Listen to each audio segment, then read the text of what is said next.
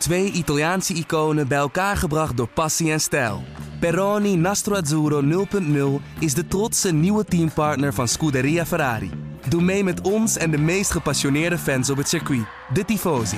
Samen volgen we het raceseizoen van 2024. Salute, Tifosi! Van alle momenten dat Daniel Ricciardo kon instappen in de Formule 1, Joost, heeft hij nu wel echt het perfecte moment gekozen. Ja, de uh, Alfa Tauri heeft deze race eh, rood omcirkeld op de kalender. En eh, met een goede reden. Ja, want Moeke, toen jij eh, Nick de Vries nog sprak voor Silverstone, toen zei hij Hongarije, daar moet het gaan gebeuren. Ja, pijnlijk. In Oostenrijk inderdaad. Eh, toen zei hij van, eh, dit is het circuit waar we kunnen vlammen. Hm. Hij is alleen zelf niet meer bij. Nee, dat is wel jammer. We gaan toch eens kijken wat Ricciardo allemaal eh, gaat doen bij de Grand Prix van Hongarije. Radio check. Loud and clear. Yeah, let's go! One, two, baby. I pressed it. What an idiot. I can literally not even lift my arms anymore. Yes, boys, come on! Yes! Oh, this feels good. This feels really good. Welkom bij De Boordradio, de Formule 1 podcast van nu.nl, waarin we gaan vooruitblikken op die Grand Prix van Hongarije. Met Daniel Ricciardo dus, maar natuurlijk ook met onze vaste analisten van nu.nl, met Joost Nederpelt, Goedemiddag. met Patrick Moeken. Goedemiddag. Ja, en mijn naam is eh, Bas Scharwachter. Eh Hoop in Toen, die is op weg naar Nederland. We zitten op dit moment in het vliegtuig, dus die, ja, dat ging niet lukken. Hij heeft wel wifi aan boord, toch? Ja, wat, ja, wat, ja, een beetje business class vliegt hij ook wel. Ja, zeker wel. Ja. ja. Ja. Slap excuus eigenlijk. Ja, Ja. wat is, is wat een onzin eigenlijk. nee, nee, nee. Wel een uitstekende vooruitblik, hè? durf ik al vast te zeggen. Bij Ja. ons op de site, donderdagochtend. Ja. Dus eh, Ja, al, ja misschien, misschien weten mensen dat niet. Maar Hoopin die zit niet alleen maar in, de, in, de, in onze podcast, maar doet dus ook twee artikelen altijd in de week. ja, en voor- en een nabeschouwing. Beste voor- en nabeschouwing van Nederland. Dat is eigenlijk zijn core business, is dat? eh? Nou, eigenlijk wel, ja. Ja, doet hij dit erbij? Zo is het ook. Ja, jongens, eh, Hongarije. eh, altijd eh, een leuk baantje. Mickey Mouse baantje. Monaco zonder de muren. Monaco zonder We muur. zijn één minuut bezig en het grootste cliché der clichés is alweer gezegd. Ja, ja, ja, ja, Nee, ik, vond, ik vond het heel leuk om te zeggen. Ik krijg ook geld als ik Mickey Mouse baan zou zeggen. Oh, Mickey Mouse, ja, ook al. Ja. Ben je Walt Disney Monaco. gesponsord tegenwoordig? ja, ja. nee.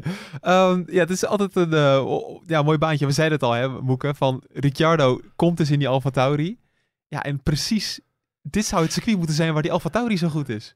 Ja, ja, je hebt hier iets meer eh, downforce nodig. En dat, eh, ja, dat is iets wat Alfa, althans waar ze bij Alfa Tauri van verwachten dat het, eh, ja, dat het hun wel goed ligt. Ja, Ja. Het, het, het blijft ontzettend cru. We hebben net ook weer een artikel op de site over Horner die dan na elf rondjes, hè, wisten, wisten ze al van Ricciardo, dat het doek was gevallen voor de Vries. Het was een soort noodoplossing om hem binnen te halen. Ja, het is toch wel, hij wordt wel erg hard. we hebben het, we hebben het er een hele uitzending over gehad natuurlijk, maar wordt nog steeds, het is niet minder pijnlijk geworden, vind ik, eh, voor hem. Ja, want Joost, eh, Horner zat in een podcast, Ja. heb ik begrepen. En wat heeft hij nou precies gezegd? Eh, wil je dan in het Engels? Of niet? No, in, in Dutch. in, in Dutch. Ehm, wat zeiden er? Nou, het, het was dus duidelijk dat die, die bandentest van, de, van Daniel Ricciardo dinsdag in Silverstone, dat was eigenlijk een soort, ze zochten bevestiging. Eh, eigenlijk, dus blijkbaar in hun hoofd hadden ze al, ze zochten daar een aanleiding om van de Vries af te komen en eh, te kijken of Ricciardo in de auto kon. Dat tweede was natuurlijk belangrijker. En eh, Ricciardo die was binnen drie, vier ronden, was hij al binnen een seconde van de tijd van Perez en Verstappen. Ja. Eh, en na zeven ronden had hij al een tijd op de klokken staan. En het- natuurlijk, dat is altijd andere omstandigheden, andere asfalt, et cetera. Die hem op de eerste startrij voor de Grand Prix had gezet. Hm. Los van al die mits en maren is dat natuurlijk gewoon goed. En toen, na, elf rondjes, belde Marco al met de Vries van... Hé hey vriend, eh, luister, eh, je rijdt niet in Hongarije. Het, althans, dat zegt... eh, ja, Ja, dat ik is weet- dit ook. op de ene manier gaat het in mijn hoofd gaat het op zaag. Nee, ehm, nee, dus ja, toen eh, was het, eh, was het eh, dat zo omschreef Honor in ieder geval die eh, situatie zoals dat was gegaan. Oké. Moeke, ik vind, ja, echt toen ik het artikel las van Joost, toen dacht ik echt, waar gaat dit over? Dus Ricciardo is gewoon nog rondjes aan het rijden. En na elf rondes wordt dus de Vries gebeld.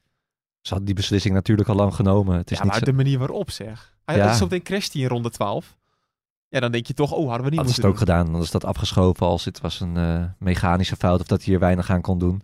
Ja, het is, het is super pijnlijk, maar tegelijkertijd, ja, is ook weer typisch Red Bull. Hè? Ze zijn bikkelhard. En we moeten Ja. ook zeggen, we hadden allemaal geen medelijden met Dan- Daniel Kvyat toen hij eruit gegooid werd in, eh, in wat was het, eh 2016. Ja.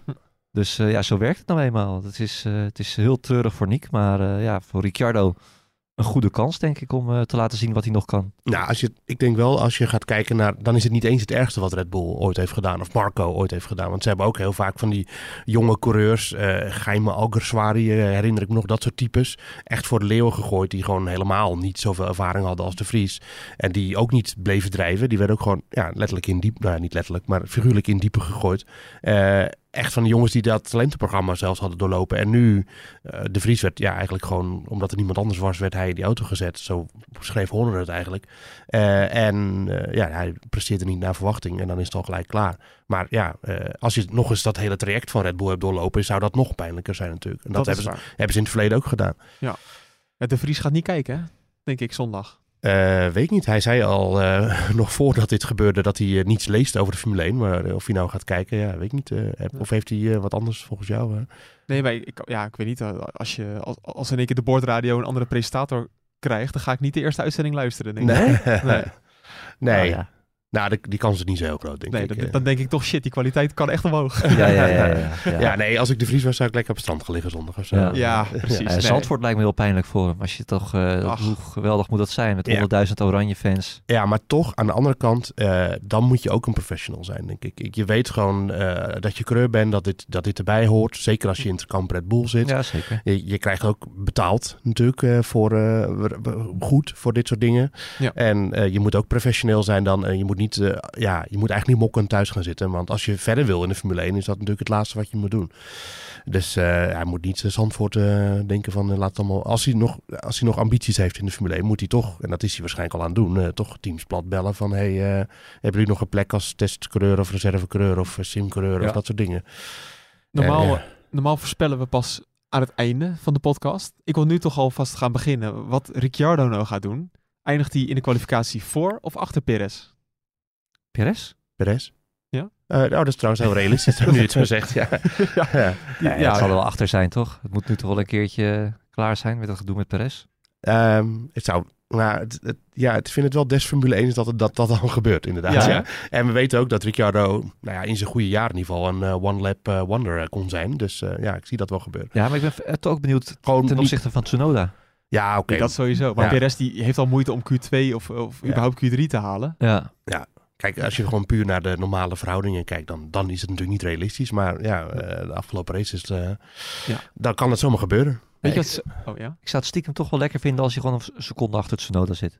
Ja, weet je het zo... Dat, dat wilde ik dus Toch? zeggen. Nederlands opportunisme. Ricciardo heeft zo'n perfecte uitgangspositie. Want als hij als tiende eindigt in de kwalificatie, dan zeggen we, jee, maar wat is hij goed? Ja. En eindigt hij als twintigste, dan is het van, ja, maar hij kent die auto nog niet zo goed. En die auto is heel slecht. Ja, Ja. en die Ja. auto is zo slecht. Hij kan het nooit fout doen. Nee, maar tegelijkertijd kan het ook wel weer heel snel gaan. Want het mag dan een weekend gebeuren, maar dan moet hij natuurlijk wel in Spa moet hij er wel meteen zitten. Ja, ja, inderdaad. Want we hebben natuurlijk wel gewoon, nou, zeker anderhalf jaar bij McLaren gezien dat het helemaal niet goed ging met Nee. Ricciardo. Dus eh, dat Nee. moeten we ook niet vergeten. En toen heeft hij echt die auto gewoon de schuld gegeven. Hè? Dat, het, eh, ja, dat paste allemaal niet goed bij hem. En eh, Ja. voor het eerst dat hij niet met een Renault-motor eh, reed, was allemaal moeilijk. Heeft eigenlijk sinds Monaco 2018, heeft hij ja, op Monza dan na, toen hij won in de McLaren, heeft hij niet meer echt heel veel gepresteerd. Hij, Eh, heeft, is al die jaren wel steeds een beetje tegengevallen. Podium met Renault nog, één op Nürburgring. Hij heeft, wel, dus- natuurlijk, hij heeft wel iets gepresteerd, maar het viel altijd tegen als we kijken hoe hoog we hem hebben zitten. Ja, Ja. oké, maar hij ging wel van een topteam naar eh, de subtop natuurlijk. Ja. Dus daar moet je ook rekening mee houden. En eh, inderdaad, eh, Monza was de beste race voor de McLaren misschien dat jaar. En toen won hij. Dus ja, nou ja, goed. Ja, tuurlijk, hij, de- zeker vorig jaar vond ik hem echt gewoon heel matig presteren bij McLaren. Dat vonden ze bij McLaren ook. Ja. Ehm, maar ja, ik ben, niet, ik ben wel eens met wat Verstappen daar bijvoorbeeld over zei. Die zei, je talent braak je niet zomaar kwijt. Dus, ja, Horner die had het over dat hij bepaalde slechte eigenschappen had aangeleerd bij McLaren vooral. En dat, hij die, dat ze die eh, nu op de simulator al geprobeerd hadden om bij hem weer weg te halen. Eh, ik weet niet wat dat dan precies is, maar eh, nou ja, ik geloof wel dat Ricciardo gewoon nog een topcoureur kan zijn. Ja. Ja, Maar het, ja, het gekke is, Verstappen zegt, je raakt je talent niet zomaar kwijt. Maar tegelijkertijd zie je wel dat het af en toe wel snel kan gaan. Als je bijvoorbeeld ook kijkt naar Vettel. Die is nooit meer de Vettel geweest toen- die die bij Red Bull eigenlijk was. Ja, vlagen bij Ferrari. Ja, maar het is altijd moeilijk meetbaar natuurlijk. Jawel. Ja, Ja, jawel. jawel. maar eh, nee, ja, lastig. Het, is, het gaat wel geleidelijk bij Ricciardo. En wat Bas zegt, ja, daar ben ik het eigenlijk wel mee eens. We hebben gewoon echt, wat ook die zegen op Monza. eh, Norris was toen eigenlijk ook al sneller dan hij. Die achter hem, eh, achter hem rijdt en dat ze boordradio's kregen. En dat hele seizoen had Norris hem ook al in de tang zitten. Ja. Dus, eh, Nou, ik- En ik vond ook dat het seizoen met Renault, volgens mij was wel boven Hulkenberg geëindigd. Maar ook weer niet dat je zegt van ja, Nee, het is niet dat hij het snot voor de ogen van Hulkenberg gereden heeft. Nu zien we wel dat Hulkenberg ook stiekem toch wel een aardige coureur, zo, aardige coureur is. Ja. Eh, Ja, Ja. het is gewoon, hij wordt zo gehyped alsof een soort van Alonso zijn terugkeer maakt in de Formule 1. Terwijl we vinden hem vooral leuk als persoon. Ja, En als dat, coureur laat hij al heel Ja. lang niet- te weinig zien. ja, dat gaat ook een beetje hand in hand natuurlijk. ja, maar, Ja. maar, dat ging ook tegenstaan dat hij vorig jaar op, die, op, die, op dat paard in Austin naar binnen Ja. kwam rijden en zo. Hij bakte er helemaal niks van, maar dan zit hij wel de hele tijd grappig te doen. Maar word je, word je een soort clowntje. Word je dan. Ja, ja dat, Ja, wel leuk toch? ja is nee, wel vond- leuk, maar het dat- toen ook een beetje pijnlijk allemaal als je niet presteert, moet je dat niet doen. Nee. Oké. Nee, dat, eh, dan word je een soort attractie en niet, eh, niet op de goede manier. Dus Verstappen mag op een vliegende olifant eh, Verstappen kan alles doen wat hij wil. Verstappen kan alles doen wat hij wil. Ja. met een kameel op een eenwieler. Ja, Alles mag. ja, ja. Maakt allemaal niet Raak uit. door de pits rennen en dan nog is het allemaal goed. Het enige punt is alleen dat Verstappen doet dat niet. Nee. Dus, eh, Oh. maar, eh, nee, ja, maar je hebt dat ook gezien bij Norris natuurlijk. Die had ook in zijn eerste twee jaar... was hij wat vrijer, wat meer, nou ja, bijna clownesk. Heel grappig. We hebben heel veel om hem gelachen. Maar dat doet hij toch een stuk minder de laatste tijd. Hij is toch wat Ah, eh, heeft professioneler geworden. Heeft op Twitch eh, praat hij daar veel over. Dat het echt wel een doel van hem is geworden. Hij wil gewoon Ja. serieus worden genomen als coureur. Ja, en ja. dat is toch het eerste waar ook teams naar kijken, denk ik. En eh, Ja. het- ik weet... En daar gaan we denk ik nu ook van genieten dat de, de, de, de secundaire dingen bij Formule 1 zijn ook heel belangrijk geworden. Zeker met al die video's Ja. Die teams gaan maken. En eh, ik kijk uit naar de Yuki, eh, Yuki Daniel Ricciardo video's. Want daar hebben we er al één van gehad met die hele kleine bootjes. Daar heb ik ontzettend om Dat is gelachen. wel grappig. Ja. Ja, dus Ja. dat is ook belangrijk. Maar eh, je bent ook een uithangbord, zeker voor zo'n Alfa Tauri merk natuurlijk. Ja. Maar je moet wel in eerste plaats presteren. En als je dat niet doet, dan, dan moet je dat andere ook niet doen. Oké, we gaan het hi- hierna even over Perez hebben en daarna over Verstappen. Eerst even dit blokje afronden. Ricciardo naar AlphaTauri. Ja, het lijkt er gewoon op dat de AlphaTauri gewoon redelijk goed gaat zijn in dat middenveld. En dat hij tegen de top 10 kan aanscheuren. Zou kunnen, ja. Het, eh, ik, ik ben benieuwd. Ik, ik, ik zie, het, zou ook, ik, het, gaat twee, het kan twee kanten op. Ja, het kan altijd twee kanten op. Het kan het het kan goed, kan het goed doen, hij kan het of slecht doen. Ja. Maar eh, Nou. ja, het, ik, denk, ik denk dat die, dat die eerste training ook heel belangrijk voor hem gaat zijn. Van dat hij, als hij dan al snel op, op, op tempo eh, is, Ja. een beetje vergelijkbaar met Tsunoda, dan, ja, dan zou het ook wel eens gewoon zo'n weekend kunnen worden waarin direct alles op zijn plaats valt. En als hij dan wel gewoon meteen als negende of achtste eindigt, dan is dat wat de mensen onthouden. En dan is meteen die hele discussie met, eh, over die wissel gerechtvaardigd. Ja. Zou voor de Vries echt lekker zijn als hij gewoon 16e wordt. Ja, maar als je kijkt naar eh, de, de, de rondetijden op andere circuits en eh, vooral naar waar, waar zijn auto's nou sterk, Ja. dan is die Alfa Tauri gewoon goed in langzame bochten en mid- en low-speed corners. Hè? Dus eh, midden, eh, nou ja, dat kan je beter niet vertalen. Maar wel, want daar heb je heel veel downforce voor nodig. Ja, ja, maar ze hebben dus blijkbaar, denk ik, eh heel wel veel downforce, maar dat gaat ten koste van een hoop eh, luchtweerstand. Eh, dus ze zijn gewoon niet zo snel op de rechtstukken. Nou ja, daar heb je er maar één van in Hongarije. En ze hebben wel heel veel bochten. Dus ja, er zijn meer auto's die op dat gebied gaan uitblinken in Hongarije. De Ferrari bijvoorbeeld. En ik denk de Alfa Tauri ook. Dus ja, misschien wel het beste circuit voor die auto. Nee, we zagen het natuurlijk eerder. In Monaco was die auto ook relatief beter dan eh, de races eromheen. En Ja. de races daarna. Beste resultaat van de Vries, 12e. Ja, daarom. Dus eh, ja, het is eigenlijk wel ironisch, want de Vries had natuurlijk vorig jaar eh, Monza dat hij instapte in de beste race voor, de, voor die auto. En nu doet eh, Ricciardo het in plaats van de Vries bij AlphaTauri. Ja, ja, was de Vries misschien maar naar Williams gegaan, hè? Was er natuurlijk ook sprake van. Ja, maar dan zit je naast Albon. En die is ook ongelooflijk Ja, goed. Dus is eh, Ja, Ja, je had wel een lekkere auto gehad. Ja, nou, ja. ja, die is iets beter momenteel. Dan, Ja. eh, maar ik denk dit weekend dus juist weer niet. Maar eh, we gaan het zien. Dan even, wat ik zei al, Perez. Ehm, want we hebben in de vorige podcast natuurlijk, we hebben een extra uitzending gemaakt over de Vries. Als je daar nog meer over wil weten. Ik denk dat die nog wel actueel genoeg is om nog even terug te luisteren. Zeker. Ehm, wij, daarin hebben wij de theorie besproken dat Ricciardo nu wordt getest om Perez ook een beetje onder druk te zetten. Of Ja. in ieder geval Red Bull wil zien of hij toekomstig in die Red Bull kan. Ja, dat is, hij heeft Horner ook gewoon ondermondig gezegd. Oh, Ja, het is en, geen- het is en geen gerucht Het is geen gerucht, het is gewoon een feit. En eh, ehm, het, het is ook wel zo dat ze, ze blijven be- beamen dat, dat Perez volgend jaar gewoon een contract heeft. Dus dat hij in principe daar eh, eh, gewoon rijdt. Maar na volgend jaar komt er nog weer een jaar. Ja. En dan is het open. En ja, daar gaat Ricciardo gewoon voor, voor dat stoeltje naast Verstappen. Ja, En Perez ook, neem ik aan. Dus dat wordt een leuke strijd. dus eigenlijk vanaf nu kan Perez gewoon niet meer uit... Nou, dat kan sowieso niet. Maar hij moet Q2 wel even een keertje gaan halen weer. Ja, en laten we wel wezen, waar lullen we over? Q2, Ja, toch? Geintje Hij moet natuurlijk. eigenlijk gewoon met, eh, met, met die auto die heeft altijd tweede worden, minimaal. Van, Ja. In Ja. principe. Ja. ja. Ja. Dus eh, nee, ja, ik, ik, ik zou me toch een beetje zorgen maken als ik Perez was. Zal het nou extra... te- ja, die druk, kan hem dat helpen? Of wordt dat nog beklemmender? Ook dat kan twee kanten op werken. Het kan weer dooien, het kan vriezen. Ja. ja. Nee, nee, het- nee, ja, het- ik, eh, ik denk dat het voor hem nu wel goed is. Toch, want hij is natuurlijk heel lang de, band, de, de hand boven het hoofd gehouden. Van ja, het maakt allemaal niet uit en eh, het komt vanzelf wel goed. Ja. Dit is eventjes, bam, schop onder zijn reet. Ja. Het, moet, het moet nu even gebeuren. Hon- Honor had het over een arm om zijn schouder, maar Ja. dat is wat anders. Dat, eh, ik, ik, ik zou het toch iets anders uitleggen. Ja, Ja. ja. Ja, Joost, je ziet in voetbal wel vaak dat als, als een positie dubbel bezet is, dat een voetballer wel beter gaat spelen. Omdat hij denkt, ja, nog één keer zo'n foute wedstrijd en het is klaar. Eh, ja, Slechte wedstrijd. nou, dat is nu misschien op basis van die test in eh, Silverstone nog niet zo. Maar als eh Ricciardo daadwerkelijk goed gaat presteren met de Alfa Tauri, dan weet Perez eh, dat, hij, eh, dat hij geen fouten zich kan permitteren.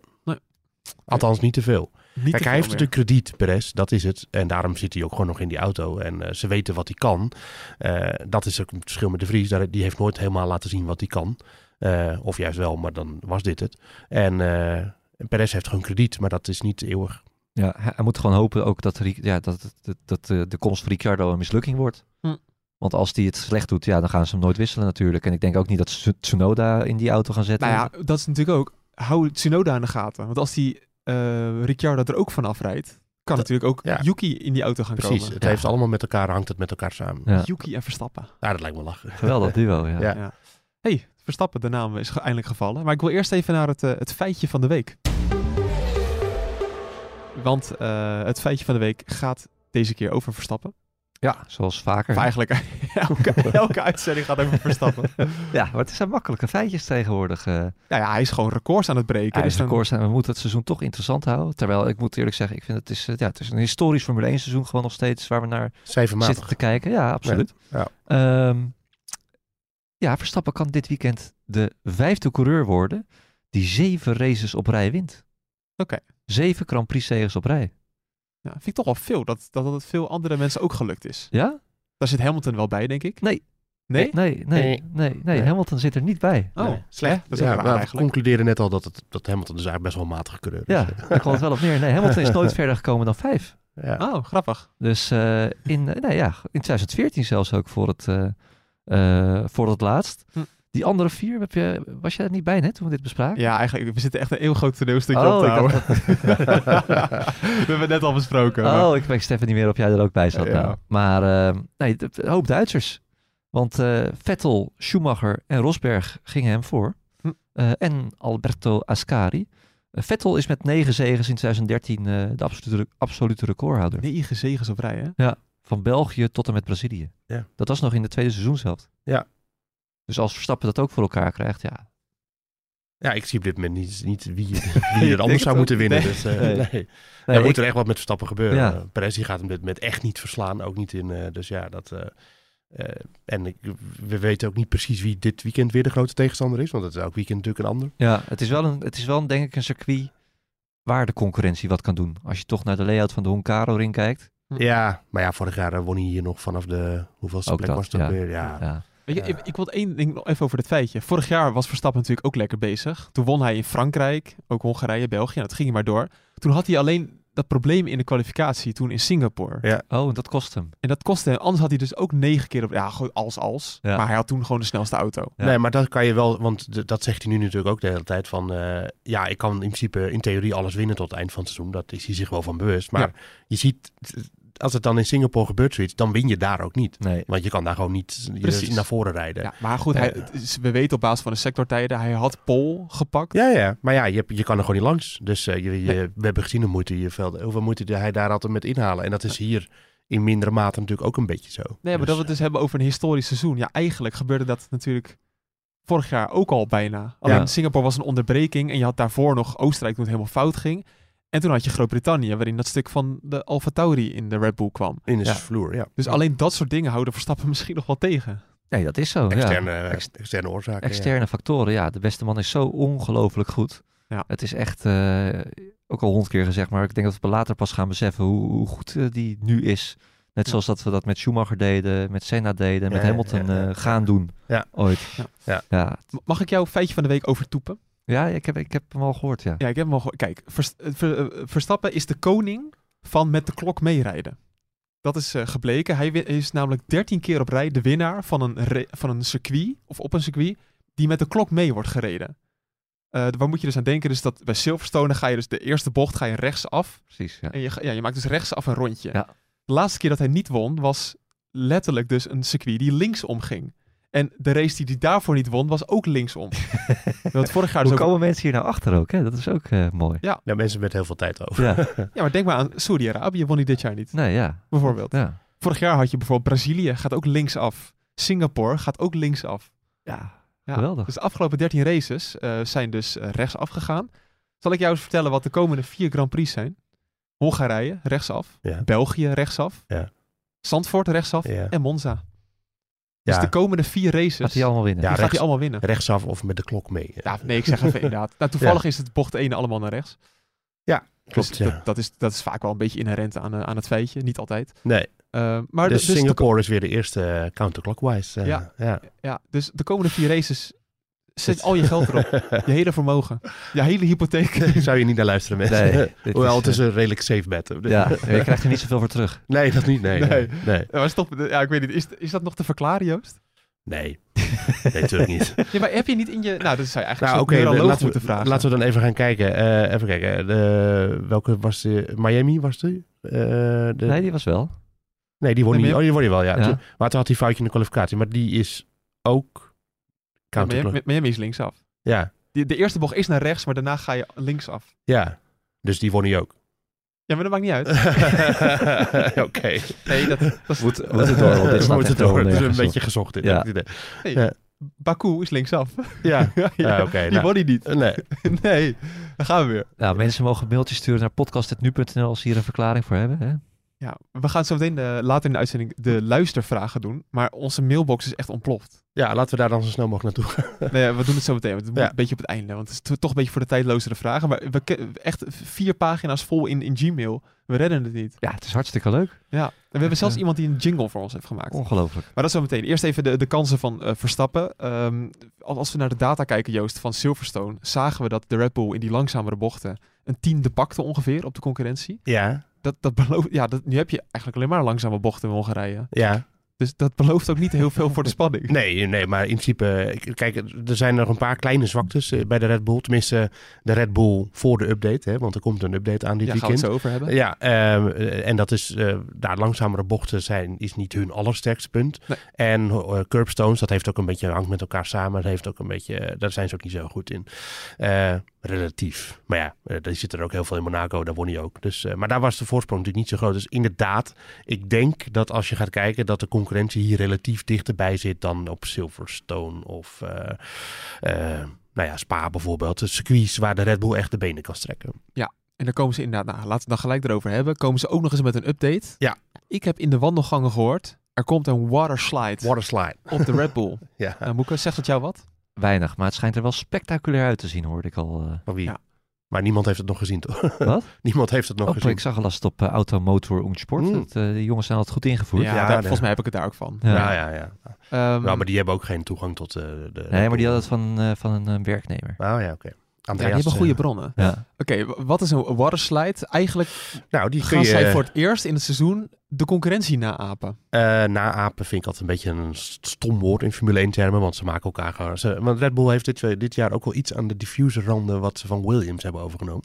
Oh. Ja, Sorry. dus... eh. Ehm, maar eh, nee, ja, de, de water slide, eh, die termen, we willen daar nog een keer een video over maken, dat we komen zo op al die woorden. Maar goed, het is eigenlijk dat die, die sidepods naar achteren aflopen met een wat opstaande rand aan de zijkant. Daar komt het eigenlijk op neer, waardoor je een soort van kanaal aflopend naar achter krijgt. Ja, dus eigenlijk Ja. op waar, dus waar de helm van de coureur zit, in dat gleufje daarnaast, daar komt, daar komt een soort gleuf in. Ja, Een riviertje. Ja, ja, zo moet je het een beetje Ik denk dat eh, de Aston Martin heeft daar nu een duidelijk voorbeeld van. Ja. Eh, de Alpine. Alpine was eigenlijk de trendsetter daar een beetje mee. Red Bull heeft het al wel een heel klein beetje. eh, en dat is het eigenlijk gewoon. En de, hele bedoeling daarvan is, in principe moet je ervan uitgaan dat de luchtstroom altijd gebonden blijft aan een oppervlakte. Dus als de, de, de luchtstroom horizontaal gaat en dan daaronder gaat het oppervlakte naar beneden, dan gaat de luchtstroom mee. Dus kan je de luchtstroom glijden. Ja. Dat heet ook wel het Coanda-effect volgens mij. Het is leuk als mensen dat willen proberen. Je moet thuis dus een lepel met de bolle kant tegen de kraan aanhouden. Dan zie je dat de Oh, ja. waterstroom vormt dan... eh, Geweldig, ja, dat doe ik eh, soms wel eens, ja. Ja, dat doe ik ook wel. Ja. Gewoon voor Gewoon de voor het momentje ter ontspanning. Ehm, ik, dat is alleen met een bolle vorm, maar dat werkt dus ook blijkbaar zo dat, ik ben geen aerodynamicus, maar dat, die, dat het dan de, de stroom volgt. En dan gaat het dus over de beamwing en de diffuse, uitgang van de diffuser heen. En daarmee versterk je het diffuser effect eigenlijk, ja. Oké. Dus, ja. om, dus, Dus eigenlijk vooral om de, de, de, de lucht zo laag mogelijk tussen de achterwielen door te glijden, om dat beter te begeleiden. ja, en volgens enkele media zou dat twee tiende per ronde Ja, schelen. maar dat, dat kun je van tevoren niet zeggen. Dus dat, eh, weet Nee, maar dat, maar dat verzinnen ze ook niet, toch? Nou, Nou ik moet ja. wel zeggen, na Canada had ook, ook. Automotor Sport was dat. Die zeiden dat eh, Aston Martin en ook eh, Ferrari, die zouden dan binnen twee races ook op het niveau van, eh, van Red Bull Ja. zitten. Dus het is allemaal een beetje koffiedik Ja, kijken. Het is wel, ik vind het wel Ja, altijd leuk. Maar dat kan toch? Maar dan kan Red Bull toch ook weer beter zijn het geworden? kan, maar twee tiende, ja, dat is een beetje natte vingerwerk, denk ik. Uh, Automotor Sport is een gerenommeerd medium. Ja. En eh, ik ken die journalisten wel een beetje van ze, maar ze schiet ook wel eens een beetje met, eh, met hagel. Met andere woorden, ze, ze zeggen tien dingen en daarvan zijn er vijf waar en vijf niet. Zeg Ja. maar. Ja. Zo'n waterslide die zou ook wel goed eh, van pas kunnen komen dit weekend. Oh, Moeken met een bruggetje. komt die aan. And how's the track? Wet. You winters or wet? I think we should go to the garage. Can you stay out on this condition? Yes! Race has been suspended. A good decision. En nu geef je mij wel heel veel hoop, Moeke. Je, je zegt dat het gaat regenen. Alweer. Alweer. Maar ik moet eerlijk zeggen, het komt wel vaak uit ook hoor, de laatste Het- tijd. het- Het is, ieder weekend is het haast wel raak. Het, is, het zijn bizarre jaren voor de Formule 1. Want Ja. we hebben echt van 2010 tot 2019 of zo... Heel, altijd heel vaak regenachtige weerberichten gehad. Ja. Altijd heel vaak, ja. Altijd Ja. heel vaak. Altijd, eh, eh, ja. Ja, nee, eerst vroeger was het altijd, eh, al- altijd dat, het, dat we het voorspelden dat het nooit uitkwam. Nu, Precies. nu voorspellen we het vaak en valt het ook vaak. Ja. Dus, eh, nou, en voor dit weekend ook. Het wordt bloedheet op de Hungaroring. eh 30 graden iedere dag. eh, zweten, zweten, zweten. Eh, maar vrijdag en zaterdag, ja, stevige buien. Over de hele dag kan er wel 10 tot 11 millimeter water eh, vallen in korte tijd. Dus eh, dat is gewoon pittig. Eh, ja, 95% kans op regen op die beide dagen.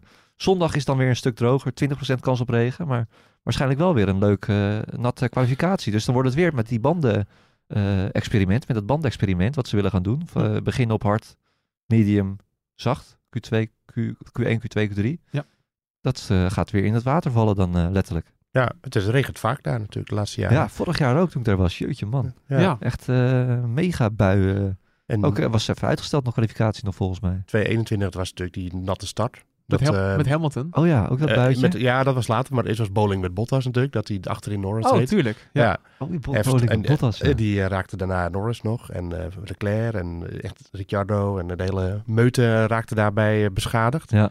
En 220 was dat het jaar dat Verstappen in, onderweg naar de grid van de baan afgleed. Oh ja, met zijn vleugel. ja. Dus eh, het regent wel eh, vaak daar natuurlijk. Ja, Eh, moet wel zeggen, dat heeft de Hungaroring toch ook wel nodig. Ik vind het een mooi circuit en als ik hoop in moet geloven is het ook erg gaaf om op te, te rijden. Hè? Hm. Maar vaak als het droog is hebben we ook wel een paar saaie wedstrijden gezien daar. Je kan er amper inhalen. Dat is lastig, ja. Ja.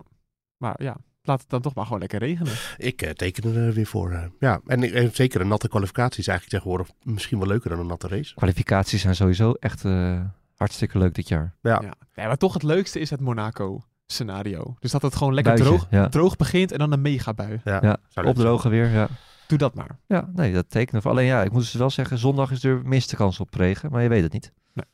Ja, die kwalificatie dus. Met die, met die gekke banden inderdaad. Ja. Dus, dus dat wordt, ook als het überhaupt al wat kouder is, ook al zeg je dat het wel, eh, wel bloedheet wordt, maar misschien door de regen dat het wat afkoelt, Zou kunnen, ja. dat je dan op, op Q1 de kwalificatie moet gaan rijden op de harde band. Ja, nou ja, de auto's die... eh, je hebt natuurlijk, zoals Hoop in het had verteld, hè, met auto's die de banden snel kunnen activeren en banden die, eh, auto's die de banden langzaam eh, op temperatuur krijgen, zoals de Mercedes heeft daar last van. Hm. Eh, dan wordt dat natuurlijk wel nog meer een ding.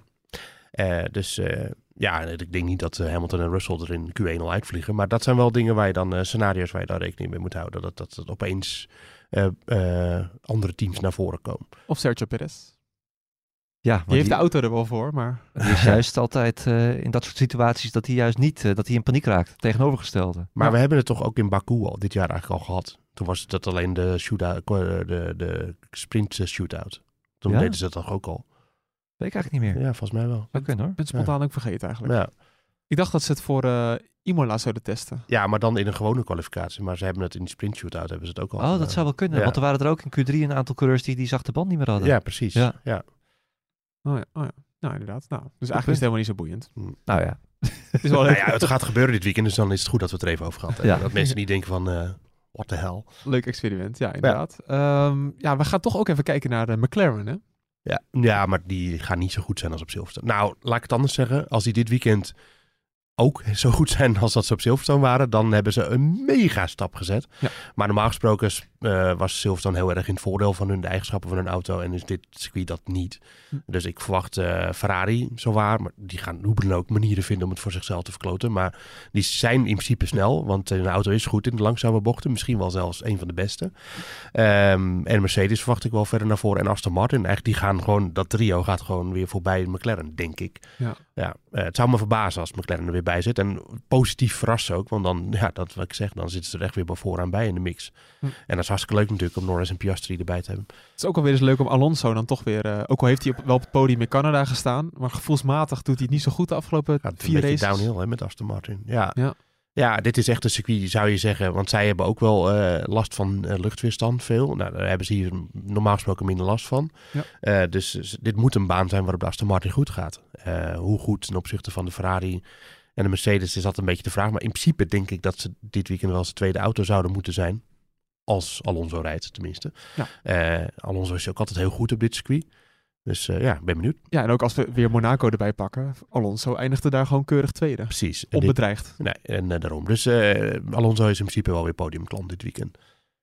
Interessant om dat in de gaten te houden. Ja, inderdaad, Ferrari. Dat is dus Ja, iets waar we als, veel van willen verwachten. als de uitvoering het hele weekend top zou zijn, dan zouden ze... Het is geen sprintrace weekend, dus ze hebben minder kansen om iets fout te doen. Maar dat, dan zou, zouden ze in principe met een auto op het podium kunnen komen, denk ik. Maar ja, dat is dat maar weer de vraag. Nog iets aanstippen wat een beetje ondergesneeuwd is de laatste weken. Wat, eh, Mercedes, die hebben de focus al volledig op volgend jaar eh, eh, verlegd. Is het zo? Daar hoeven we geen hele grote updates meer van te verwachten. Oké. En ik vind dat toch voor zo'n groot team waar ze vandaan komen, al die jaren hege- hegemonie, vind ik toch wel een dingetje. Ik vind het alleen maar logisch eigenlijk. Ja, maar, Ja? maar Als- de regels zijn volgend jaar toch hetzelfde? Ja, kan je toch ook nu al die updates brengen? Eh, nee, niet als je. Kijk, zij hebben natuurlijk eh, van die fundamentele dingen die nog fout zitten in deze auto, omdat die zijn gebaseerd op het vorige concept, zoals de, de crashstructuur aan de zijkant. Weet je, en daar hebben ze nu. Ja, ze hebben eigenlijk van een auto die ze niet meer wilden, deze auto gemaakt. Maar dit is niet hoe die eigenlijk zou moeten zijn. En dan kan je wel eh, nog heel veel hieraan gaan spenderen, want ze zitten natuurlijk met de budgetcap en daar moet die nieuwe auto ook uit. Maar dan kan je beter, denk ik, zoveel mogelijk daaraan spenderen. Kijk, met deze auto ga je het gat toch niet dichten. Eh, Het, is, het blijft een gemankeerde auto. Ja, dus, maar ik vind het toch voor zo'n groot team, we zitten nog niet eens in de zomerstop. Hamilton die daar nog bij rijdt, ik vind het toch pijnlijk. Sta gewoon tweede in de constructeurskampioenschap. Ja, nee, Ja. oké, maar ja. Ook Toto Wolff hè, vorig jaar, die zei het toch ook, eh, want vorig jaar hebben ze dit natuurlijk ook al een beetje gedaan. Ja, maar denk even na. Oké, eh, Oké. denk even na. Het, het, wat, wat, zouden de, wat, zijn, wat is de reden, waarom zouden ze per se... De eerste worden ze niet, dat, dat is uitgesloten. Dus ze kunnen tweede Mm, worden of ja. misschien derde. Wat, wat winnen ze daarmee?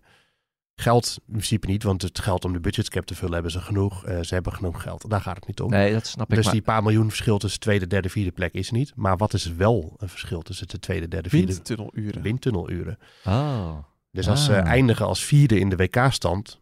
Ja, dat is natuurlijk een heel vervelend nadeel van dit concept. Maar eh, dan krijgen ze alleen maar meer windtunneluren volgend jaar. Ik denk niet dat dat de drijfveer is. Maar ze hebben niet eens zo'n hele ja, incentive, zoals dat heet, om, eh, om, eh, om heel erg te strijden voor die tweede plek.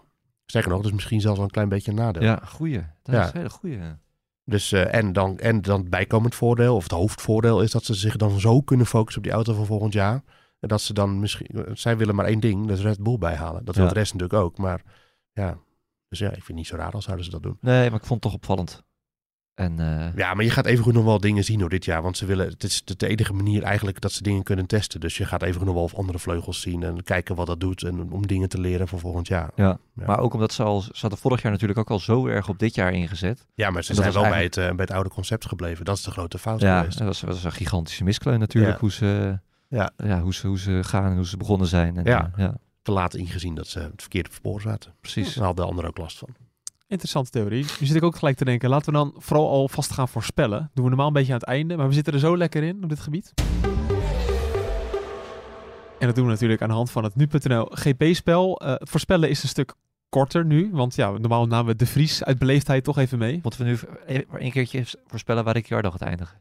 Oké, Ja, is goed. Wel wat leuk. Doe maar dan. Ehm, Verstappen. Zo. Nee, dit wordt een beetje flauw nu. Ja, dat weet ik. Eh, Alonso, tweede. Ja. En P3 wordt Charles. Charles. Leclerc. Oké, ik Oké. heb eh, Verstappen Alonso Perez. Kijk, Joost eh, lekker doorheen. En dan Ricciardo nog. Oh ja, Ricciardo P, P9. ja. ik denk dat het toch op zijn plek gaat vallen. Ja, hoe pijnlijk het ook is voor de Vries. Ja. Ja, ik denk P10. Oké, ga ik weer voor P14. Dat is precies waar de Alfa Tauri hoort. Maar ik hoop, ik, ja, het is heel hard cru om te zeggen, maar ik hoop stiekem dat hij uitvalt. nou ja, zeg. Joh. Wat? Ja, maar ik vind, ik, ik vind Ja, het, ik vind het ook, ja, ik- al die stomme filmpjes of zo, dat ook die toast die hem echt die Ricciardo om, er omhelst en ook met die, eh, met die, met die honey badger die ze dan op die fabriek hadden geplakt. Ugh.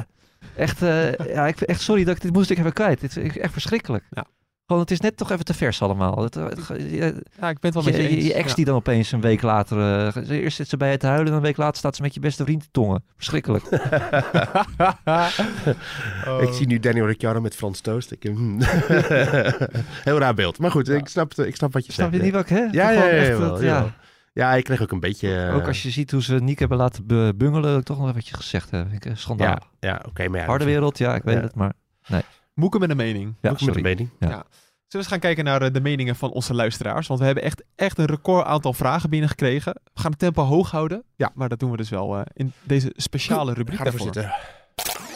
Michael, I just send you an email. Ik wil allereerst even beginnen met een shout-out naar Greg.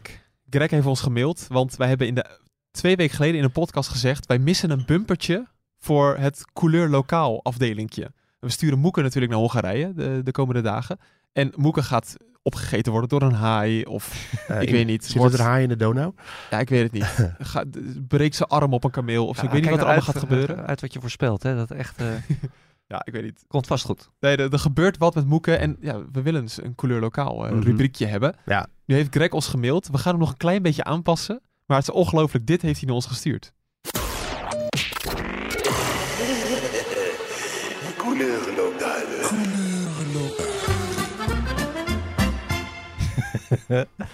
Ja, het is schitterend. Mooi. Dit is toch ongelooflijk? echt iets geweldigs. we hebben echt meerdere mailtjes binnen gehad van mensen die eh, een suggestie hadden. Op, want ik vroeg ook, is er niet een nummer dat ergens op lijkt? Maar goed, eh, Greg heeft gewoon een heel bumpertje gemaakt. Ja, fantastisch. We gooien het nu.nl pingeltje er nog even in en dan is hij gewoon af. Ja, niks meer aan doen. Zondag is te beluisteren in eh, de terugblik op de Grand Prix van Hongarije.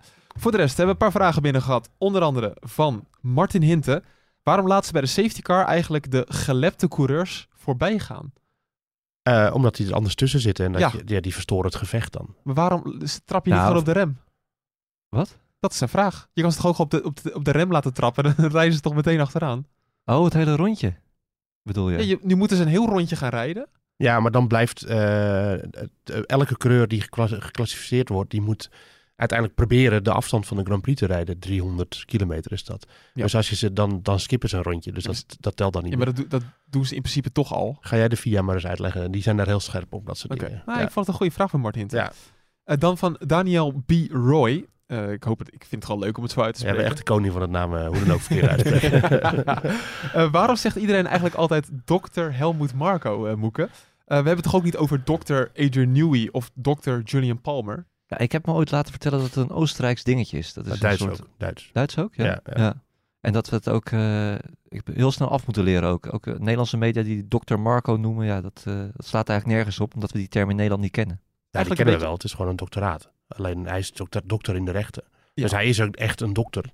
En dan een dokter in de wetenschappelijke vorm. Niet eh, iemand waarmee je met je gekneusde knie naartoe gaat. Maar eh, dus hij Dr. Hans. Hè? Dr. Hans. is, hij, hij is dokter in de rechten. Nee, maar waarom moeten we dat zo uitspreken? Ja, dat, in Duitsland is het heel normaal dat als iemand die titel heeft, gewoon op wetenschappelijke eh, basis, dat je dat dat erbij zet. In Duitsland en Oostenrijk. Want Oostenrijk en Duitsland is een beetje hetzelfde. Ja. Maar ja, was het ook hetzelfde. Ja. Daarna weer niet meer.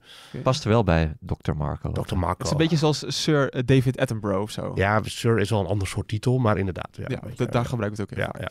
Ehm, dan, nou, een beetje een Duitse naam, maar je zegt het vast, vast anders. Van Erik Müller. ja, Müller is een, heel een van de meest voorkomende, dus volgens mij de meest voorkomende naam in Ja, Duitsland. het zal Shout-out naar eh, de grote podcastlas, eh, onze vriend. Ja, er staat geen uh, omlaut op de uur, dus het is gewoon Erik Muller. Ja. Hoe meten teams nou hoeveel brandstof er exact nodig is in een Formule 1 auto voor een race? Punt. Sorry, ik moet een vraag. over- Eh, nou ja, ze hebben natuurlijk de vrije trainingen en de kwalificatie en dat soort dingen. Ze hebben een, een basis van dat ze kunnen berekenen hoeveel brandstof er in de tank is gegaan en hoeveel er nog in zit na zoveel rondjes. Hè. Dus dan weten ze dat. En ze hebben natuurlijk een fuel flow meter. Er zitten er zelfs twee in, die ook worden gelezen door de FIA, waarmee ze kunnen zien hoeveel brandstof er door de leiding richting de motor gaat. Ja. Dus ze hebben een heel duidelijk beeld van hoeveel die auto verbruikt met verschillende motorstanden, verschillende snelheden, et cetera. Eh, en er zit natuurlijk ook een brandstofsensor in de tank. Op, zit zelfs op verschillende plekken, omdat die tank is wat anders dan een normale auto brandstoftank. Ja. Eh, zodat ze altijd kunnen zien hoeveel er nog in zit. Maar is dat dan ook zoals op mijn auto? Dat ik echt nog zie dat ik nog de 90 kilometer kan rijden? Ja, alleen bij jou is het dan zo dat als je auto op een stoepje staat en hij staat een beetje schuin de goede kant op, dan zit er opeens meer in. en eh, dat is. eh, en, dat is Sorry, en, is en dan dat- zet je hem weer recht, dan is het niet zo. Is dat echt zo? Ja, ja, dat is zo. Want die- Ja? ja? bij veel auto's, ik weet natuurlijk dat met moderne auto's nog, maar dan zit de brandstofsensor, dat is gewoon een drijvend dingetje. Ja, nee, precies. En die ziet dan, eh, hey, het niveau gaat opeens omhoog. Maar dat komt gewoon omdat de tank schuin Echt staat. waar? Ja. Oh. Leuk is trouwens, NASCAR, die rijden zonder brandstofsensor. Dus die moeten het gewoon eh, berekenen allemaal. Oh, dus als ik pak altijd die curb bij een rotonde, pak ik En altijd. dan denk je, hey, Doe mijn ik altijd. Mijn altijd. radio- actieradius Ja. gaat omhoog. Ja. ja. Ja, Oké. Ja. Eh, Dan Aniek eh, Schonerbeek. En dan moet het heel even over hebben over Aniek. Die luistert nu alle oude podcasts van ons terug. ja, Heel, heel pijnlijk, denk ik ook. Maar zij confronteert ons ook met uitspraken zoals Ja, dat zo- wij in 2018 dachten dat Ocon wel weer bij Mercedes zou gaan rijden. Ja, zo lust ik er nog wel tien. Eh Captain Hindsight, eh, ik vind het heel leuk dat ze het doet, maar de, ja, daar- zo kunnen we het allemaal natuurlijk. Ja. Ja, die, die, die luisterde nu, zit nu in 2019 of eind 2018. Die vond dat een heel heftig seizoen qua aanrijdingen en allemaal eh, de, 2000? ruzies en zo. 19? Eh, twe- eind 2018 zit ze nu. Oh ja. Eh, ze vroeg ons af, is dit jaar niet een beetje braaf? Ze mist een beetje coureurs die kosten van het kost willen willen. Ja, maar dat komt ook Binnen. door de competitie. Ja. Kijk, eh, dat, dat seizoen ook met Verstappen en Hamilton in 2021, ja, dat was natuurlijk haat en nijd. En dan is er ook meer spanning. Dan ligt alles onder een vergrootglas. En er is nu, ja, Red Bull is nu zoveel sneller dan de rest. Verstappen is ook zoveel beter dan de rest. Als ze niet eh, bij elkaar in de buurt rijden, dan rijden ze ook niet tegen elkaar aan. Als Perez nou op hetzelfde niveau als Verstappen had gezeten, ja, dan was alles anders geweest. Je- Ja, je zag het bij die start van de sprintrace in Oostenrijk. Daar zaten ze wel dicht bij elkaar. Nou, ze raken elkaar ook meteen. Dus, eh, Ja. ja. Dan een vraag die we twee keer hebben binnen gehad van eh Bert Teken en David van den Brand. Hoe kan het dat Red Bull de beste en de slechtste auto aflevert? Berteke, denk ik. Berteke. Oh, Berteke. Ehm, Ja. hoe kon het- nou ja, dat, Nou, dus eigenlijk, ze hebben dus met Red Bull de beste auto. Ja. Met Alfa Tauri misschien wel de slechtste. Ja, Ja, die werken toch ook wel een beetje samen? een beetje, maar je mag in principe niet alles samenwerken. Al dat, is, dat blijft dat al een beetje schimmig hoor. Eh, want uh, AlphaTauri gebruikt in principe alleen de versnellings, de motor natuurlijk, de Honda motor, de versnellingsbak van Red Bull en de achtervering. Voor de rest allerlei onderdelen die ze mogen kopen. Maar de, de monocoque is van eh AlphaTauri zelf. Die wordt ook op, op, in Bister. Dat is zo'n eh, aerodynamisch centrum van uh, AlphaTauri. Wordt die getekend en niet dus in Milton Keynes, waar Red Bull dat doet. Dus het zijn, ja, het zijn aparte producties. Maar Helmut Marco die zei laatst van ja, dat ze wel nog meer willen dat, eh, dat Red Bull, eh, dat het minder auto, een autonoom team wordt, zeg maar, AlphaTauri. Hm. En dus dat er nog meer eh, samenwerking gaat komen. Er Maar komt ja, ook een andere naam hè, voor Alfa Tauri. ja, alleen weten we niet wat.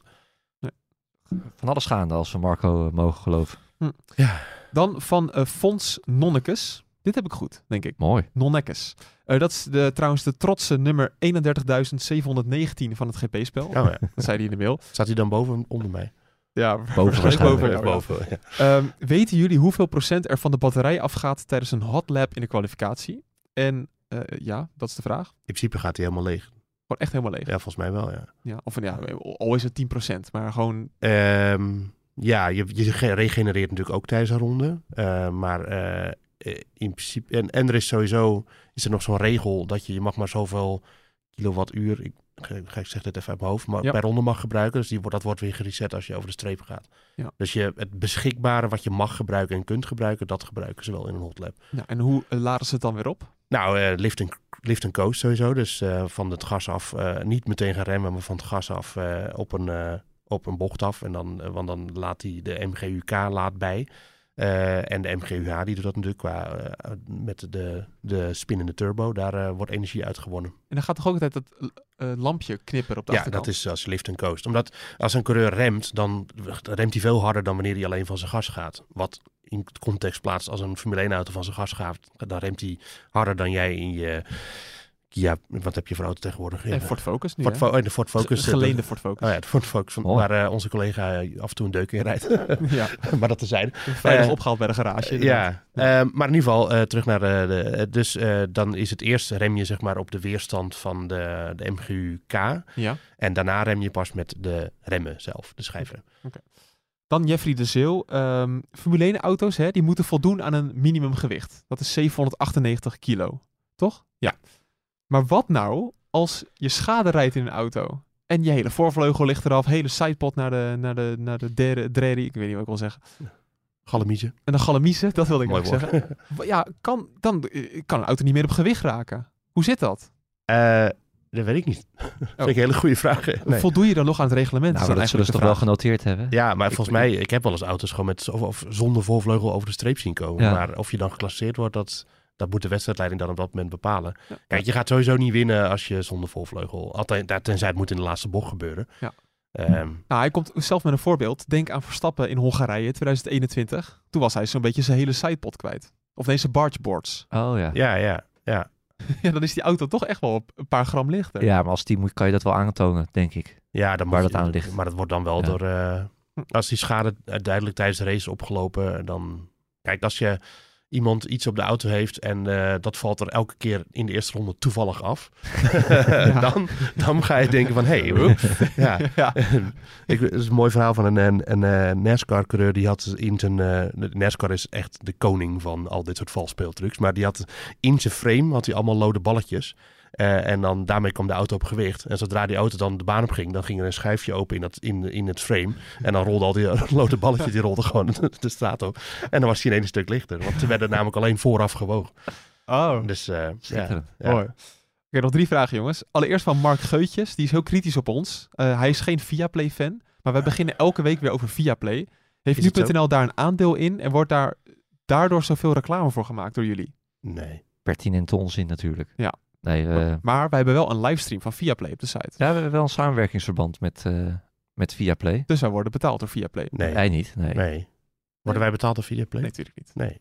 Nee, wij Zeg hebben... dat nou niet, er komt een complot in de wereld in. complot in de wereld. Ja, Ja, Er is er maar één van ons die wordt betaald door Viaplay, maar die is er nu niet. nee, dat is hoop in. Ja. Maar wij hebben verder, we krijgen geen geld van eh Viaplay, zeker niet. het zou wel kunnen zijn dat wij wat vaker Viaplay kijken.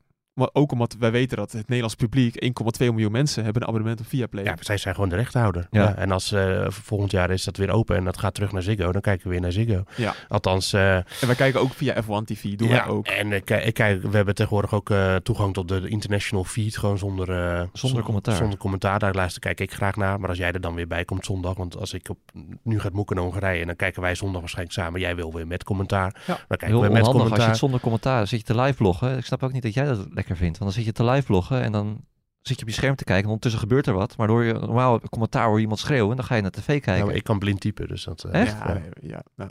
Ik wil, wil wel eens zeggen, DPG Media, dat is onze moederbedrijf. Ja. Zij hebben wel de radiorechten, de Nederlandse radiorechten van de Formule 1 Ja. gekocht. Ja, maar dat staat toch helemaal los van ons? Want volgens mij die vraag die insinueert een beetje dat wij lovend over Viaplay zijn, omdat wij eh, daar een samenwerkingsverband Ja, eh, dat is dus niet zo. Nee, we zijn volledig Sterker nog, ik ben eh, best wel kritisch op het commentaar van eh, Viaplay. En dat Ja. twitter ik ook eh, regelmatig. Dus dan, eh, Oké, nee, wil het toch even gezegd hebben. Heel goed. Ja, eh, ook niet omdat Hopin bij ons betrokken is. Dat heeft, staat er allemaal helemaal los van. Nee. Dan toch nog even, ja, daar komt hij hè. Niek Gremme, Hey, Nick. hij is er weer bij hoor. Die heeft elke week gewoon weer een vraag. Ehm, ik was dus benieuwd of bij de pitstops van de coureurs altijd dezelfde crew wordt gebruikt. Of hebben Verstappen en Perez nou een andere crew? nee, elk team heeft dezelfde crew. Althans, in principe eh, zitten, zitten altijd voor beide auto's zitten dezelfde mensen er. Ja, maar het is Ja. wel zo dat de monteurs zijn wel anders. De monteurs zijn wel anders, maar de, de, zeg maar de, de persoon die de voorkant van Perez zijn auto in elkaar schroeft, kan best de Verstappen, bij Verstappen de pitstops doen. Ja. Het zou ook raar zijn, want als ze dan gaan double stacken, dat, er dan, dat ze dan de ene crew naar binnen rent en de andere naar buiten komt. Dus dat is niet zo. Ja, dat is ook Nee. heel logisch. Sterker nog, ze hebben, ze, ze hebben niet eens, als je, als je de monteurs van één auto pakt, dan hebben ze niet eens genoeg mensen voor een pitstop. Ja. Dus eh, Maar het kan zijn dat de, de reserve krikman, die is dus ook gewoon monteur van een auto. Ja. Dus die doet gewoon de motor kan. bijvoorbeeld. Ja, ja, ja. Het is niet, er is niet een aparte pitstop crew. nee. Nee, dat, die eh, worden geselecteerd binnen het monteursteam. Ja, ik wil niet elke keer naar NASCAR gaan, maar bij NASCAR heb je dat wel. Dan zijn het echt van die atleten die voor de rest niet zoveel doen. Maar bij, eh bij. Formule 1 is dat wel zo. Ja. Ja. Tot slot eh, de leukste vraag van Benny Boom. Mooi. Ja, dat is geen boom. Oh. Benny Boom. Ehm, hij wil nog eens een Formule 1 race gaan bezoeken buiten Europa. Ja. Welke, ja, hij wil een top 3, maar eh, ik wil jullie favoriet. Ik, dat hangt een beetje van zijn budget af eigenlijk. Hè? Ja, Benny Boom heeft alles te besteden. Benny heeft een geldboom eh, in de tuin. Ehm, ja, mijn favorieten zijn ehm, Montreal. Maar dat is een, dat is een dure. Om, eh, laatst vroeg ik ook iemand aan mij van wat zijn de tips? Nou ja, de, de hotels zijn wel vrij duur daar. Maar dat is echt een prachtige stad. Een mooie race om te bezoeken. En niet te ver weg. Hm. Melbourne is takken ver weg, takken duur. Maar wel echt geweldig. Ja. En- En hij wil dan ook inderdaad buiten het circuit om iets beleven. Ja, eh, en dan de derde is denk ik, vind ik heel leuk, ook Singapore. Ja. Ja, lijkt me ook wel vet. Ja, als Formule 1 liefhebber moet je toch ook een keertje naar eh, Brazilië gaan, naar Sao Paulo. Hm. Senna-stad. Echt, eh, althans, je moet wel iets met Senna hebben, want anders, anders wordt het lastig. Maar die hele stad, ja, die ademt eh Ayrton Senna. Overal waar je komt, waat die geest van Senna door de stad heen. Dat is echt, je rijdt wel tien keer door de Senna-tunnel. Dat graf is indrukwekkend. Je hebt een schitterend museum. Hm. Eh, het circuit Interlagos is echt wel super speciaal. Ligt een beetje in een obscure buurt. Ja. Maar op zich, als je daar gewoon met eh, daglicht heel doorheen rijdt, eh, eh, niks aan de hand. Ik eh, ik was al- vooraf was ik er best wel bang gemaakt door allerlei horrorverhalen die je hoort. En natuurlijk gaat er gebeurt er daar wel eens wat, maar dat gebeurt in Mexico ook. Ja. Ja. Maar eh, nee, dat, gaat- dat is echt allemaal prima te doen en eh, super gaaf. Al die muurschilderingen van Senna. Gewoon die hele stad ademt Ayrton Senna. Dat vond ik echt wel, eh, ja, dat, dat moet je echt wel een keertje meemaken. Mexico mijn- is ook heel leuk hoor trouwens. Mexico ook nog. Ja, mijn Ja. tip is toch wel, als je echt een, een race wil waar je vooral buiten circuit veel te beleven hebt, waar je echt sfeer wil, weet je, waar, waar je echt autosport proeft, Huh. Bahrein. Nee, joh. Nee, Bahrein vond ik echt een grote tegenvaller, Ja. moet ik eerlijk zeggen. Niet zo, Oh, je, had, je had dus nog verwachtingen. Wat? je had verwachtingen. Ja, daar. ik ging er lekker blanco in. niet zo, niet zo happenboeken. Wat? Nee. Hoezo? Nee, Joost, Nee. Joost zag de grap al aankomen. Ja, ik Oh. dat erin komen. Maar ik wist eh, niet dat het een grap was. nee, Midden-Oosten, eh, Abu echt Dhabi. Bahrein, echt skip, niet doen. Nee. Maar als je dan, dan denk ik, eh, Abu Dhabi is een uur rijden van Dubai. Als je daarvan houdt, is het wel te doen. Ja. Ja. Ja, zeker. Nee, Abu Ja. Dhabi vond ik wel leuk. Ja, maar Ja. niet Abu Dhabi zelf. Abu Dhabi zelf, de stad, er is echt geen, geen, geen moer Nee, aan. dat klopt. Nee, dus Ja, dan moet moet je je, Wel moet je in Dubai gaan zitten. Ferrari World ben ik geweest. Ja, maar dat zit bij het circuit. En eh, Warner Bros. World. Ja, jij bent er als toerist geweest. Ja, peperdure attracties. Echt eh, totaal eh, heel raar eigenlijk. Ja. Maar eh, wel leuk om heen te gaan. Oké. Eh, en toch nog de Europese tip wil ik toch nog even zeggen. Ook omdat die Ja, toepasselijk maar is. dat, Benny Boom is overal al geweest. Nou, dan kwam die beamen dat Hongarije gewoon in Europa een van de beste circuits is om te bezoeken. Eh, omdat je dat perfect kan combineren met citytrip. Dus dan ga je gewoon naar Budapest toe. Een van de mooiste steden van Europa. Het circuit Zeker. ligt op 20, 25 minuten rijden vanuit het centrum van Budapest. Dus dat is ook gewoon ideaal. Dat heb je normaal liggen circuits altijd een beetje in de middle of nowhere. Maar hier gewoon kan je gewoon met de taxi kan je naar het circuit toe. Werkt allemaal fantastisch. Of je huurt een auto. Eh, ja, ga ik dit weekend ook weer, eh, ook weer doen. Fantastisch. Mooi. Gaan we afronden, mannen? Nee, we hebben het nog over die motoren. Oh, ben ik niet vergeten. Ja, Oh, die heb je helemaal voorbereid. helemaal voorbereid. Dat is ook een Waar mooie die, afsluiter. eh, Oh ja, ook van de, van de mooiste naam. Nou, Benny Boom vond ik wel fantastisch hoor. Maar Benjamin Núñez Banheiro. Ah, Mooi. Ja, Mooi. dat- beter dan dit wordt het niet. Nee. Eh, Benjamin vraagt zich af, of Benjamin. eh, door zowel coureurs en fans wordt gezegd, ik wil de V8 terug. Ja. Maar waarom zeggen ze de V8 en niet de V10 of de V12? Vind ik een hele goede vraag. Eh, Van Benjamin Núñez ja. Ik denk dat het gewoon eh, pragmatisch is van coureurs. Dat ze weten dat de V8 misschien nog zou kunnen. Eh, en dat de V10 en de V12 helaas eh, niet meer, eh, dat dat eigenlijk niet meer kan. Hm. Omdat er hele dure motoren zijn om te ontwikkelen. En die hebben helemaal geen...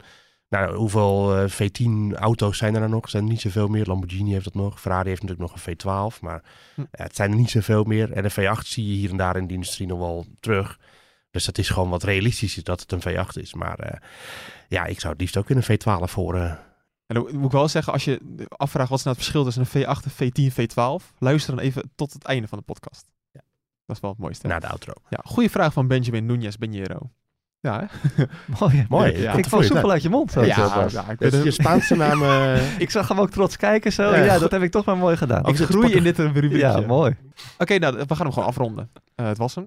We gaan sowieso het weekend in de gaten houden of eh, Hamilton misschien wel zijn negende pole op Hongarije kan pakken. Ook nog. denk het niet. Dan zou die eh, recordhouder worden ooit. Want je hebt wel ooit Ayrton Senna gehad die acht keer pole had op Imola. Je hebt Schumacher gehad die acht keer pole pakte op Suzuka. En je hebt eh, Hamilton zelf die ook nog acht keer pole in Melbourne had.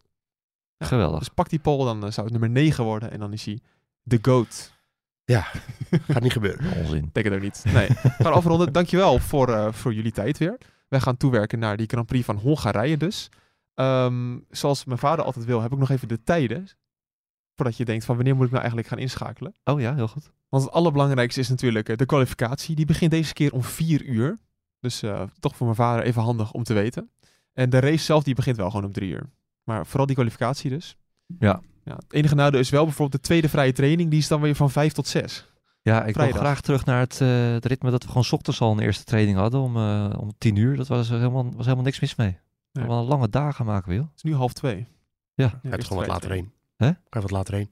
Ja, maar je hebt niks meer aan je dag dan als het allemaal... eh, Nee, oké, maar als die training om 12 uur, wat moet je er dan om 11 uur of om 9 uur doen? eh?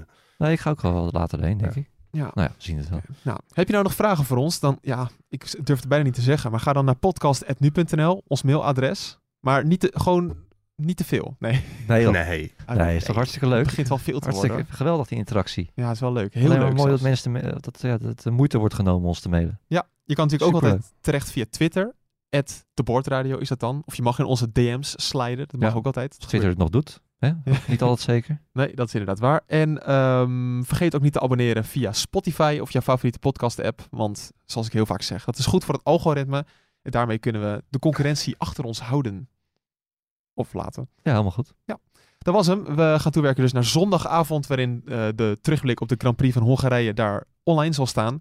En eh, na dit bumpertje gaan we nog even luisteren naar de mooiste motoren uit de Formule 1-wereld.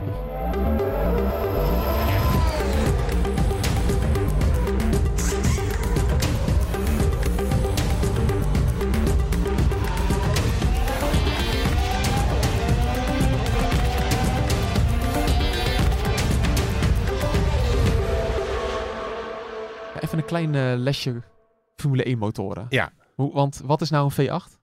En V8 is een eh, V8. Met Waar, waarom, waarom, waar staat die 8 ook weer voor? Toch acht voor- cilinders in een V-vorm. Dus je hebt twee cilinderbanken van vier, twee rijtjes van vier. En die zitten in een V.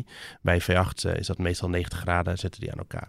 Hm. Ja. Wist- En Wist jij dit boek eigenlijk? Ja, Cilinders wist ik. ja maar dat Wist is ook... die, V-vorm wist ik niet. Dat is nieuw voor mij. Echt Ja. waar? Ja. Je kijkt al 20 jaar Formule 1. V- ja, ik V8, ja. Acht Ja. cilinders. En wat voor motor heb jij in je, in je Volkswagen Bora dan? En eh 1.6, Ja, wat voor motor? weet ik veel.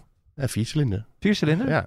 Dus dan zou je twee van de Moekers motoren aan elkaar zetten. Dan heb je een 3,2 liter V8. Ja, Oh ja. Ja. En hoe, Ehm, hoe, Gaat hoe als een klinkt, speer hoor, die Bora. ja. ja. ja. hoe klinkt dat dan, eh, Joost? Nou ja, de- eh, ik heb dus drie video's van Ferrari, want daar zijn de meeste video's van. Dus we hebben hier ten eerste de V8.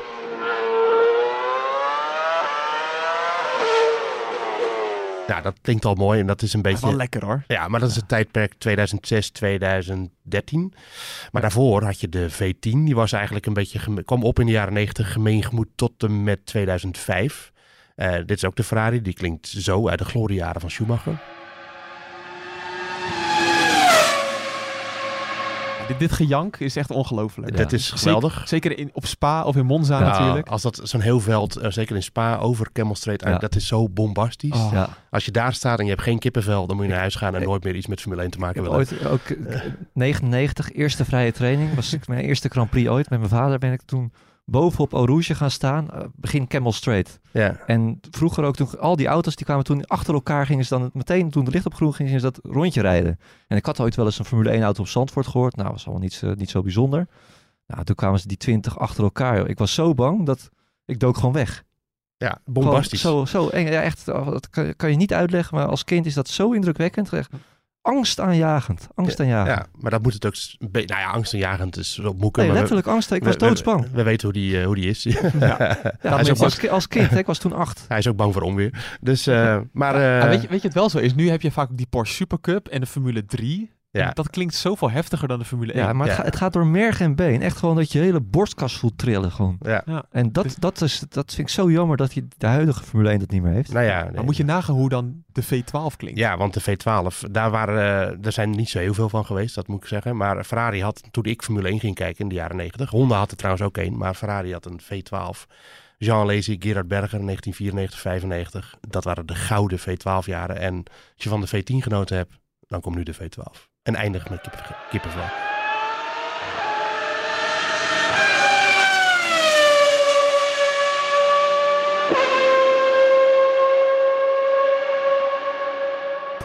Ja, is wel lekker hè? Geweldig, ja. Nou, op Ja. naar Hongarije, naar de stofzuigercup. ja. Jezus, ja.